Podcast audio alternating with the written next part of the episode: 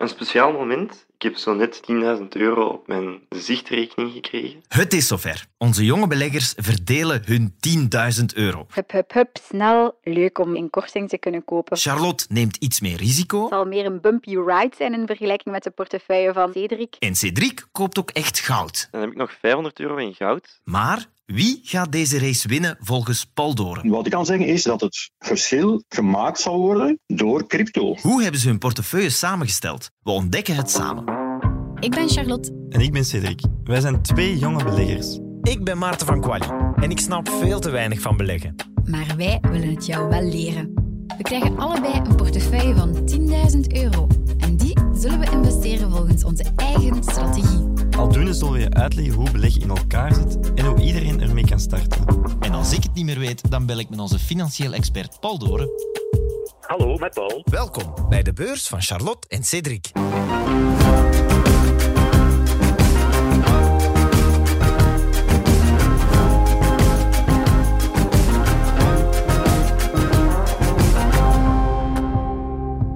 Vandaag is het een belangrijke aflevering, want we gaan de portefeuilles samenstellen. Zo gaan jullie mij en ook heel wat andere mensen hopelijk eh, eh, laten redeneren als een belegger. Dat is eigenlijk de bedoeling. Jullie hebben allebei 10.000 euro gekregen. Die hebben jullie afgelopen week uitgegeven. Een speciaal moment. Ik heb zo net de 10.000 euro op mijn zichtrekening gekregen. En morgen gaat het eindelijk zover zijn. Morgen ga ik mijn 10.000 euro kunnen beleggen. Even kijken of mijn geld op eh, Bolero is aangekomen. Tadam. Jepla, inderdaad. 7800 euro, want de andere 2200 die ga ik investeren in crypto. En crypto kan ik helaas niet kopen op Bolero. Voilà, dus ik ben net ingelogd op mijn account. Klaar om mijn eerste aankoop te doen. Ik zoek op in Bolero. Sofina, aankoop en verkoop. Een aandeel kost 254 euro. En dus ik ga er drie stuks van kunnen kopen en dan gaat dat mooi rond de 750 euro uitkomen. Dus ik geef als ordertype een limietkoers in. Dus dat wil zeggen dat ik ingeef welk bedrag ik maximaal wil betalen voor dat aandeel. Ik zet dat hoog genoeg zodat ik het zeker heb. En dan is nog maar één ding dat ik moet doen momenteel. En dat is tekenen met iets mee. Voilà, dus bevestigen. Sofina drie stuks bezig met valideren en uw order werd geregistreerd. Spannend. Ben benieuwd wat het gaat geven. Voilà, net klaar met werken. Ehm, ik zit in mijn zetel, laptopje open. En we gaan ons inloggen op Bolero voor aandelen te kopen. Dus ehm, het makkelijkste is door gewoon de tickers in te geven. Ik ga beginnen met die van Louis Vuitton. Ehm, die vinden we onder LVMH van Moet et Hennessy. Voilà. En we drukken op aankoop. We maken er een limietorder van. Hup, hup, hup, snel. Amai, leuk om eh, toch een beetje in korting te kunnen kopen vandaag. Dat voelt altijd beter dan op een groene dag kopen. Ik heb net de laatste aankoop gedaan. eh, de tracker of de S&P 500. Spannend wat het gaat geven. Eh, ik ben heel benieuwd dat mijn portefeuille het goed gaat doen. En dat zullen jullie in de komende weken sowieso te weten komen. Charlotte, jij zei in de vorige aflevering dat je hoopte dat de beurzen gingen crashen. Begin een beetje schrik te krijgen. Want ja, je zit hier het orakel naast mij, want het is echt gigantisch gecrashed, heb ik het gevoel. Hè? Ja, heel veel rode is- cijfers, heel veel krantenartikels ook. Crypto ook naar beneden. Ja, Ja, jij wordt heel blij. ik ben inderdaad wel blij, omdat je koopt natuurlijk altijd veel liever op een moment dat alles lager staat dan op zijn all-time high. Ja. Bitcoin is het laatste jaar zelf in prijs gehalveerd en ik wil ook wat crypto gaan aankopen in mijn portefeuille, dus ik ben inderdaad wel blij dat ik het nu goedkoper kan gaan kopen. Ja, ja, ik WhatsAppte nu nog. Eh, jij bent waarschijnlijk nu Ether aan het kopen en Bitcoin. Ja, en dat heb zeker. je dan ook gedaan. Ja. Cedric, wat dacht jij toen die beurs zo aan het zakken was? Begin jij dan te panikeren of begin jij dan ook blij te worden? Nee, in tegendeel. Hetzelfde als Charlotte. Ja. Ik was eigenlijk aan het wachten op ons geld, dat we het zo snel mogelijk hadden, want ik had eigenlijk schrik dat de beurzen zich terug gingen beginnen te herstellen. en dat we dan eigenlijk dat laagste punt een beetje gingen gemist hebben. Maar het, allee, het blijft belangrijk van de markt niet te timen. Dus eigenlijk doet het er niet zoveel toe dat het nu een paar dagen later is of een paar weken later. Oké. Maar goed, de centen van een zichtrekening moet je dan overschrijven naar een effectenrekening. Dat is voor veel mensen al een stap, want een effectrekening, hoe werkt dat precies? Eh, wat is het verschil met een gewone rekening? Een effectrekening is een rekening die je nodig hebt om te starten met beleggen, waarop dat je effecten als het ware verzameld worden. En effecten zijn een verzamelnaam voor alle soorten van beleggingsproducten. Dus bijvoorbeeld aandelen, fondsen, obligaties, komen eigenlijk allemaal op die effectenrekening terecht. Ja. Het enige verschil is dat je daar geen kaartje bij krijgt. Dus Nee. je krijgt gewoon een zichtrekening. Dat staat vaak op een app beschikbaar. Kost dat veel geld, een effectenrekening? Er zijn wel wat kosten als je dan effectief start met beleggen, maar het openen van een effectrekening is wel gratis. Maar je moet wel 18 jaar zijn om Ja. er eentje te kunnen openen. Ja, en dat is dan tegenwoordig wel makkelijk via een app bijvoorbeeld. Of bij de bank zelf. Er zijn veel mogelijkheden. Hè? Zeker. Ehm, eigenlijk, beleggen is zo gedemocratiseerd dat het echt dichter bij de Belg of ja, de, de gewone gebruiker komt. Dus je kan het via je app doen, je kan het op je laptop doen. Maakt niet uit. Je kan het zelf eigenlijk van op een afstand opstarten. Ehm, dus dat wil zeggen dat je gewoon vaak een testje gaat moeten doen. Je gaat om eigenlijk je risicoprofiel te laten bepalen, ehm, een vragenlijst moeten invullen.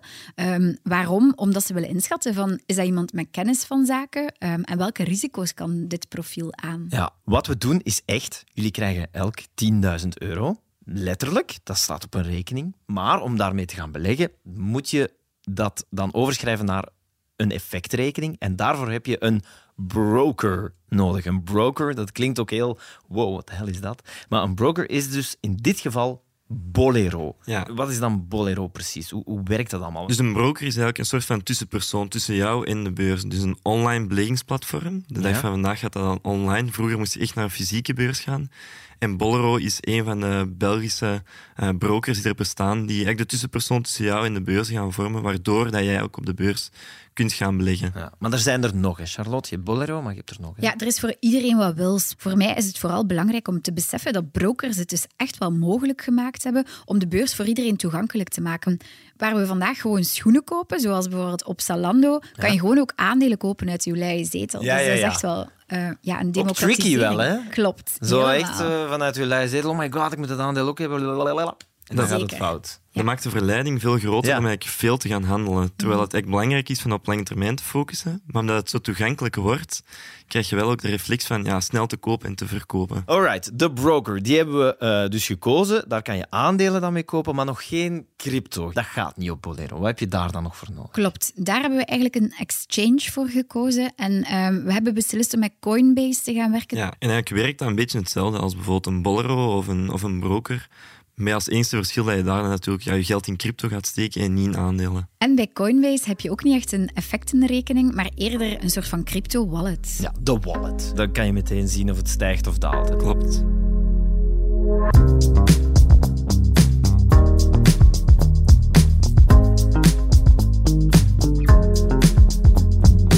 Goed.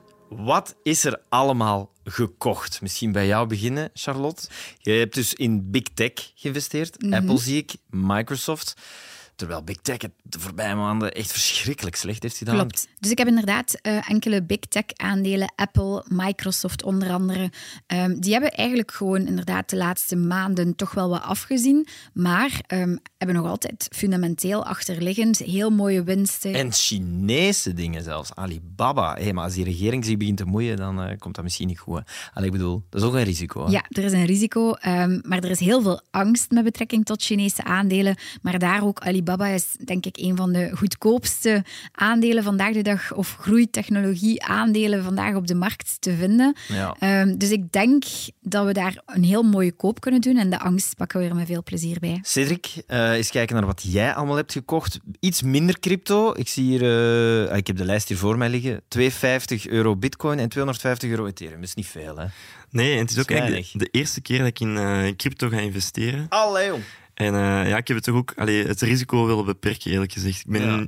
niet zo'n extreme voorstander van, van crypto, omdat mijn, ik ben misschien iets risicoaverser dan, dan Charlotte. Um, en nu heb ik eigenlijk 5% van mijn portefeuille in crypto gestoken. En nu heb ik zoiets van, ja, als het dan verder zakt, dan ga ik er ook niet zoveel aan verliezen. Maar als het ontploft, dat is mooi meegenomen. Dan heb ik het mooi meegenomen, inderdaad. Oké. Eens kijken, wat staat er voor de rest allemaal op? Vertel eens. Dan heb ik nog 500 euro in goud. Um, Oké. Misschien ook een verschilpuntje ten opzichte van Charlotte. Ja? Bitcoin wordt soms wel de digitale goud genoemd. Uh, en hebben ook wel wat, val ook wel wat te vergelijken. Uh, goud is ook schaars in voorraad, hè, ten opzichte van de bitcoin, waarvan Ja. dat er maar 21 miljoen kunnen zijn.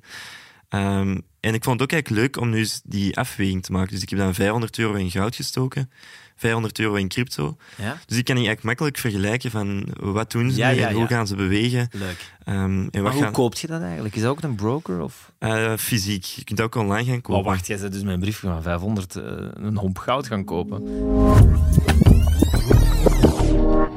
Goedemiddag. Kan Hallo, ik hier eh, goud kopen als investering? Ja, natuurlijk. Ja? Daar zijn we hier voor, hè? En kan ik het voor iets van een 500, 600 euro iets kopen ongeveer? Ja, zeker. We hebben staafjes van eh 10 gram. En Oké. dat kost eh, juist 600 euro. Oké, Oké, dat is perfect. Dan zou ik graag zo'n een staafje willen. goed. Alsjeblieft, hier is het. Dank u wel. Kan jij met de kaart betalen gewoon? Uiteraard, ja. Met de kaart we. Dat zou moeten werken. voilà, ik ga mijn pakketje, want het zit verpakt in een klein pakketje goud, open doen. En ik ben heel benieuwd om het eigenlijk eens te zien hoe dat het nu echt eruit ziet en aanvoelt.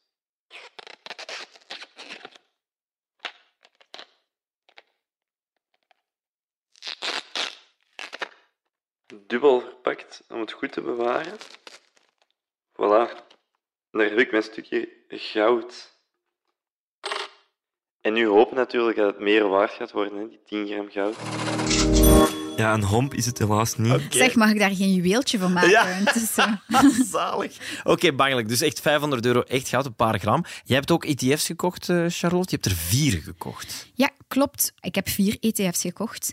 Ik ben eh, begonnen met de S&P 500, de Vanguard, eh, de meest bekende ETF zou ik zelf Daar heb jij het in de gesprekken die wij hebben, heb jij het er heel veel over. Hè? Dat, ook in Ja. jouw boek gaat het daar Klopt. vaak over. Hè? Die S&P 500, dat is voor u precies toch de heilige graal of zo. Voor mij is het ook een soort van eh, benchmark, iets waar ik eigenlijk mijn eigen rendement tegenop zet, Mhm. om te gaan vergelijken van hoe doe ik het ten opzichte van de markt. Als ik spreek over de markt, dan ga ik vaak gaan kijken van wat doet de S&P 500.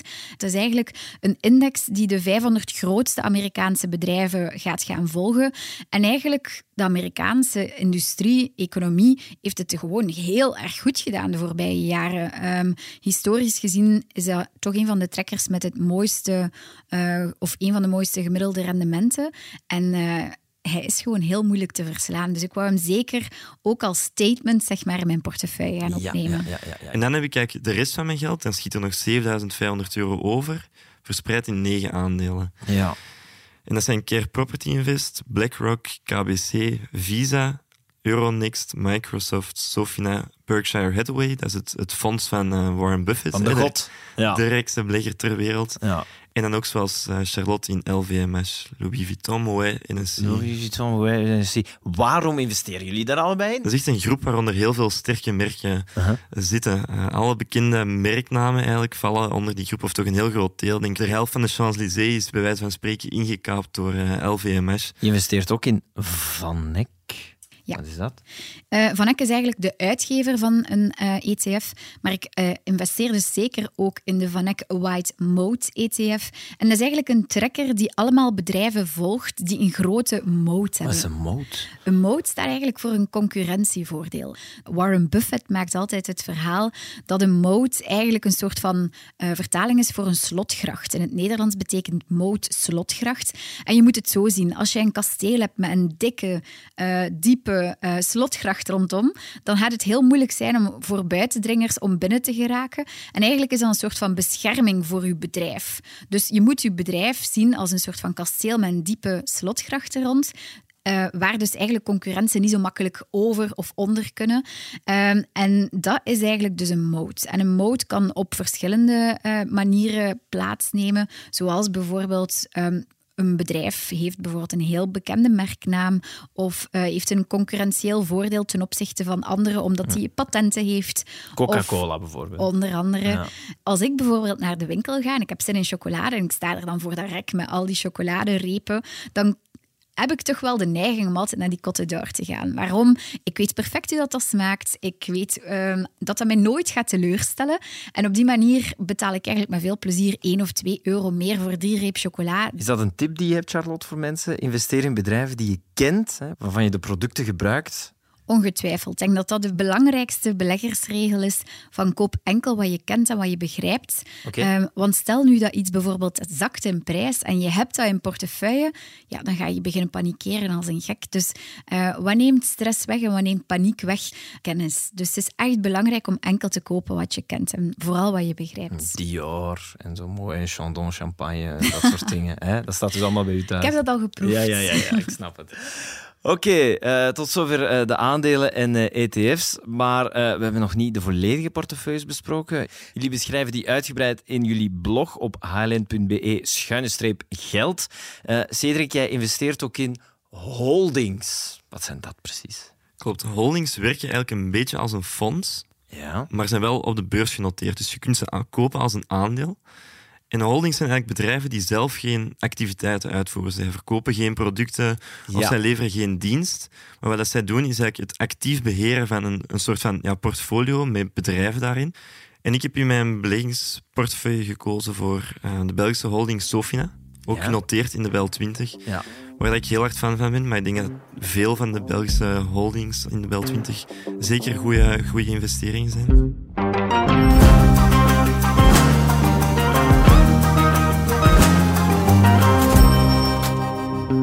Charlotte, waarom is jouw portefeuille beter dan die van Cedric? Uh, ik denk dat ik een heel goede spreiding heb en alsnog toch echt dat nodig risico neem.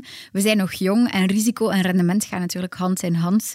Uh, ik denk ook op lange termijn dat mijn portefeuille het misschien wel beter kan gaan doen, uh, omdat ik toch wel veel beleg in technologie en innovatie en it's here to stay. ik zie de wereld alleen nog maar ja, groeien op vlak van technologie. ik denk ook dat het een minder vlak parcours zal zijn dat ik af ga leggen. Het zal meer een bumpy ride zijn in vergelijking met de portefeuille van uh, Cedric. Maar ik wil echt wel laten zien dat beleggen niet saai is. En uh, dat het ook uh, niet slecht is om een risico te nemen. Een risico, een risico nemen is zeker niet negatief. Ja, Cedric, saaie portefeuille hoor ik hier. Um, maar gaat die beter zijn dan die van Charlotte of niet? Saai blijkt eigenlijk vaak uh, net goede rendementen te behalen. Dus, ja, um, je gaat dus winnen. Daar ben ik best zeker van. Oké, okay, dat is mooi. Nee, maar daar hou ik van. Waarom weet zij niet waar ze mee bezig is? Nee, kijk, ik heb een portefeuille samengesteld die voor een groot stuk al bepaald wordt door die ETF's. Ik denk Ja. dat daar dat veel gel- vergelijkpunten zijn met de portefeuille van Charlotte. Maar ik heb een heel groot stuk van mijn portefeuille, drie kwart, echt specifiek in aandelen gaan steken. Om net eigenlijk de markt te kunnen outperformen, als het ware. Dus eigenlijk beter te scoren dan de markt. En daarvoor ben ik wel echt gaan zien naar welke trends dat er momenteel spelen. Uh, de stijgende rentes, op welke bedrijven dat die bijvoorbeeld een goede invloed kunnen hebben. Vandaar de keuze ook bijvoorbeeld voor de bankaandelen en dat soort uh, bedrijven eerder. En ik hoop, en ik allee, denk, anders zou ik deze keuze ook niet gemaakt hebben, dat mijn portefeuille het daardoor uh, beter zal doen. Maar dat Ja. zal de tijd uitwijzen. Dus Cedric gaat voor meer holdings van Belgische bodem, hè, meer individuele aandelen, klein klompje goud, en heel klein. Hij, hij dipt zijn tenen in de crypto, terwijl Charlotte kiest voor meer spreiding, maar ook meer risico durft te nemen door iets meer in crypto te beleggen. Dat is het eigenlijk. Hè? Klopt. Spannend. Ik kijk er naar uit. Ja, ik ben Ja. ook heel benieuwd wat al die portefeuilles gaan doen. Ik ook. Echt, het mag beginnen.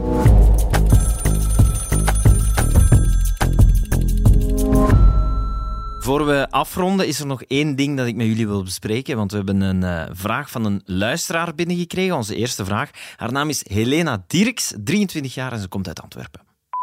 Hallo, ik heb de eerste aflevering van jullie podcast beluisterd en ik zou zelf ook eh, graag willen leren beleggen.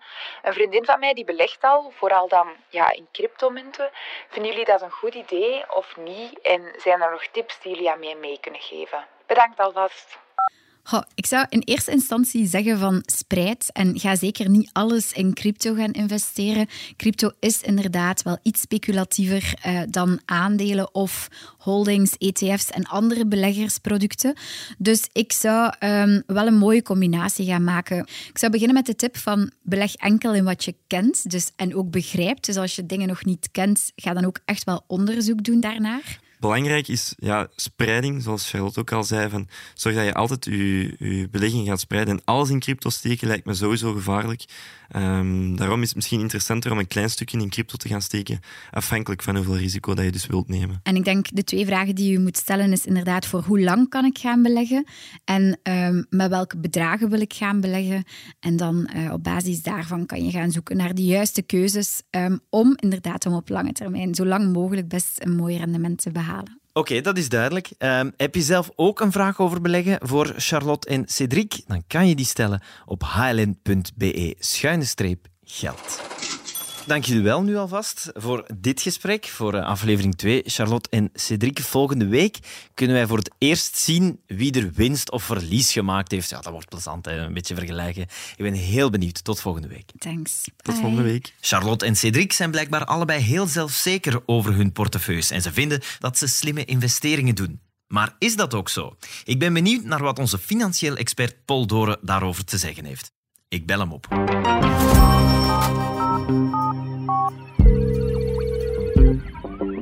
Met Paul Doren. Dag Paul, het is Maarten. Hey, dag Maarten. Ik stoor niet? Nee? Nee, nee. nee. Uh, ik bel jou, Paul, omdat ik nog een paar vragen heb over die portefeuilles van Charlotte en Cédric, die 10.000 euro die ze net belegd hebben. Uh, ik heb ze je net doorgestuurd. Je ziet ze nu voor het eerst. Um, welke investering valt jou nu het meest op? Zo onvoorbereid, zonder te studeren. Als je die nu ziet, die portefeuilles, wat valt er u meteen op? Wat mij meteen opvalt is dat er heel weinig, en bij de een geen één, en bij Cedric een paar Belgische aandelen bij zitten. En dat betreur ik eigenlijk wel heel erg. Dus bij Charlotte zit er geen enkel Belgisch aandeel in. Bij Cedric zitten er uh, drie in. Er zijn bij ons bedrijven die gerust de voet naast die grote internationale, multinationale bedrijven kunnen zetten. Als dat soort bedrijven bestaat bij ons, Waarom zou je dan een portefeuille samenstellen met internationale aandelen? Wat zit je te zoeken tussen de duizenden, tienduizenden internationale bedrijven? Dus dat betreur ik een beetje. Maar uiteraard, de keuze is voor iedereen vrij. Uh, als je liever uh, Amerikaanse dingen koopt, oké, voor mij niet gelaten. Maar het is niet dat het beter is. Uh, Integendeel zelfs. Nou, er is ook uh, geïnvesteerd in cryptomunten. Daar ben jij een coole minnaar van, hè? dat mag ik zeggen. Hè? Wel, voor mij is crypto gewoon geen belegging. Okay. En ik zal even uitleggen.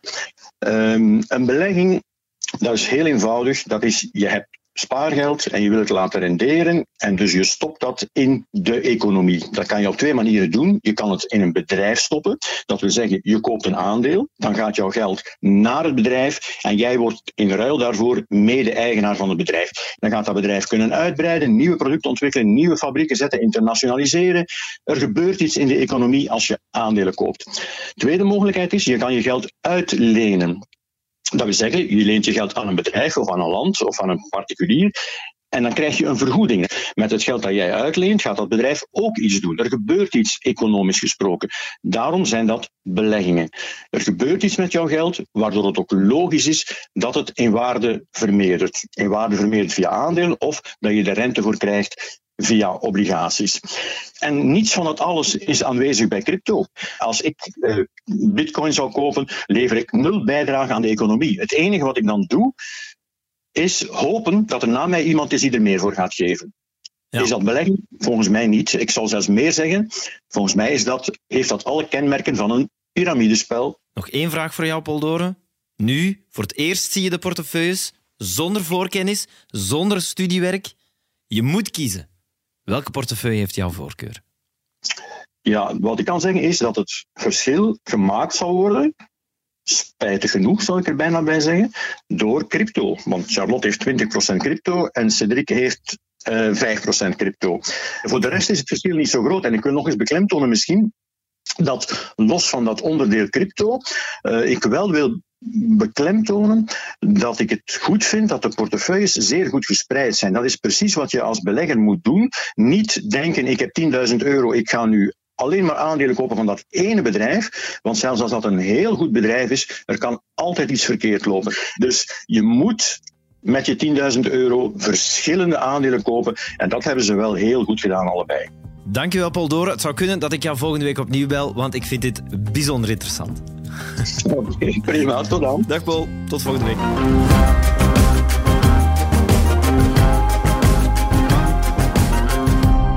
Zo, de portefeuilles zijn gestart, de aandelen, cryptomunten en het klompje goud zijn gekocht. Paul volgt mee op, dus dan is het nu wachten. Ik ben al benieuwd hoeveel geld ze volgende week zullen hebben gewonnen of verloren. Dit was de tweede aflevering van de beurs van Charlotte en Cédric. Volgende keer hebben we het over beleggingsproducten. We leggen je uit waarin je zoal kan beleggen. Als je daar nu al een vraag over hebt, kan je die stellen op hln.be-geld. Daar kun je ook de volledige portefeuilles terugvinden in de blog van Charlotte en Cédric. Bedankt voor het luisteren en tot volgende week.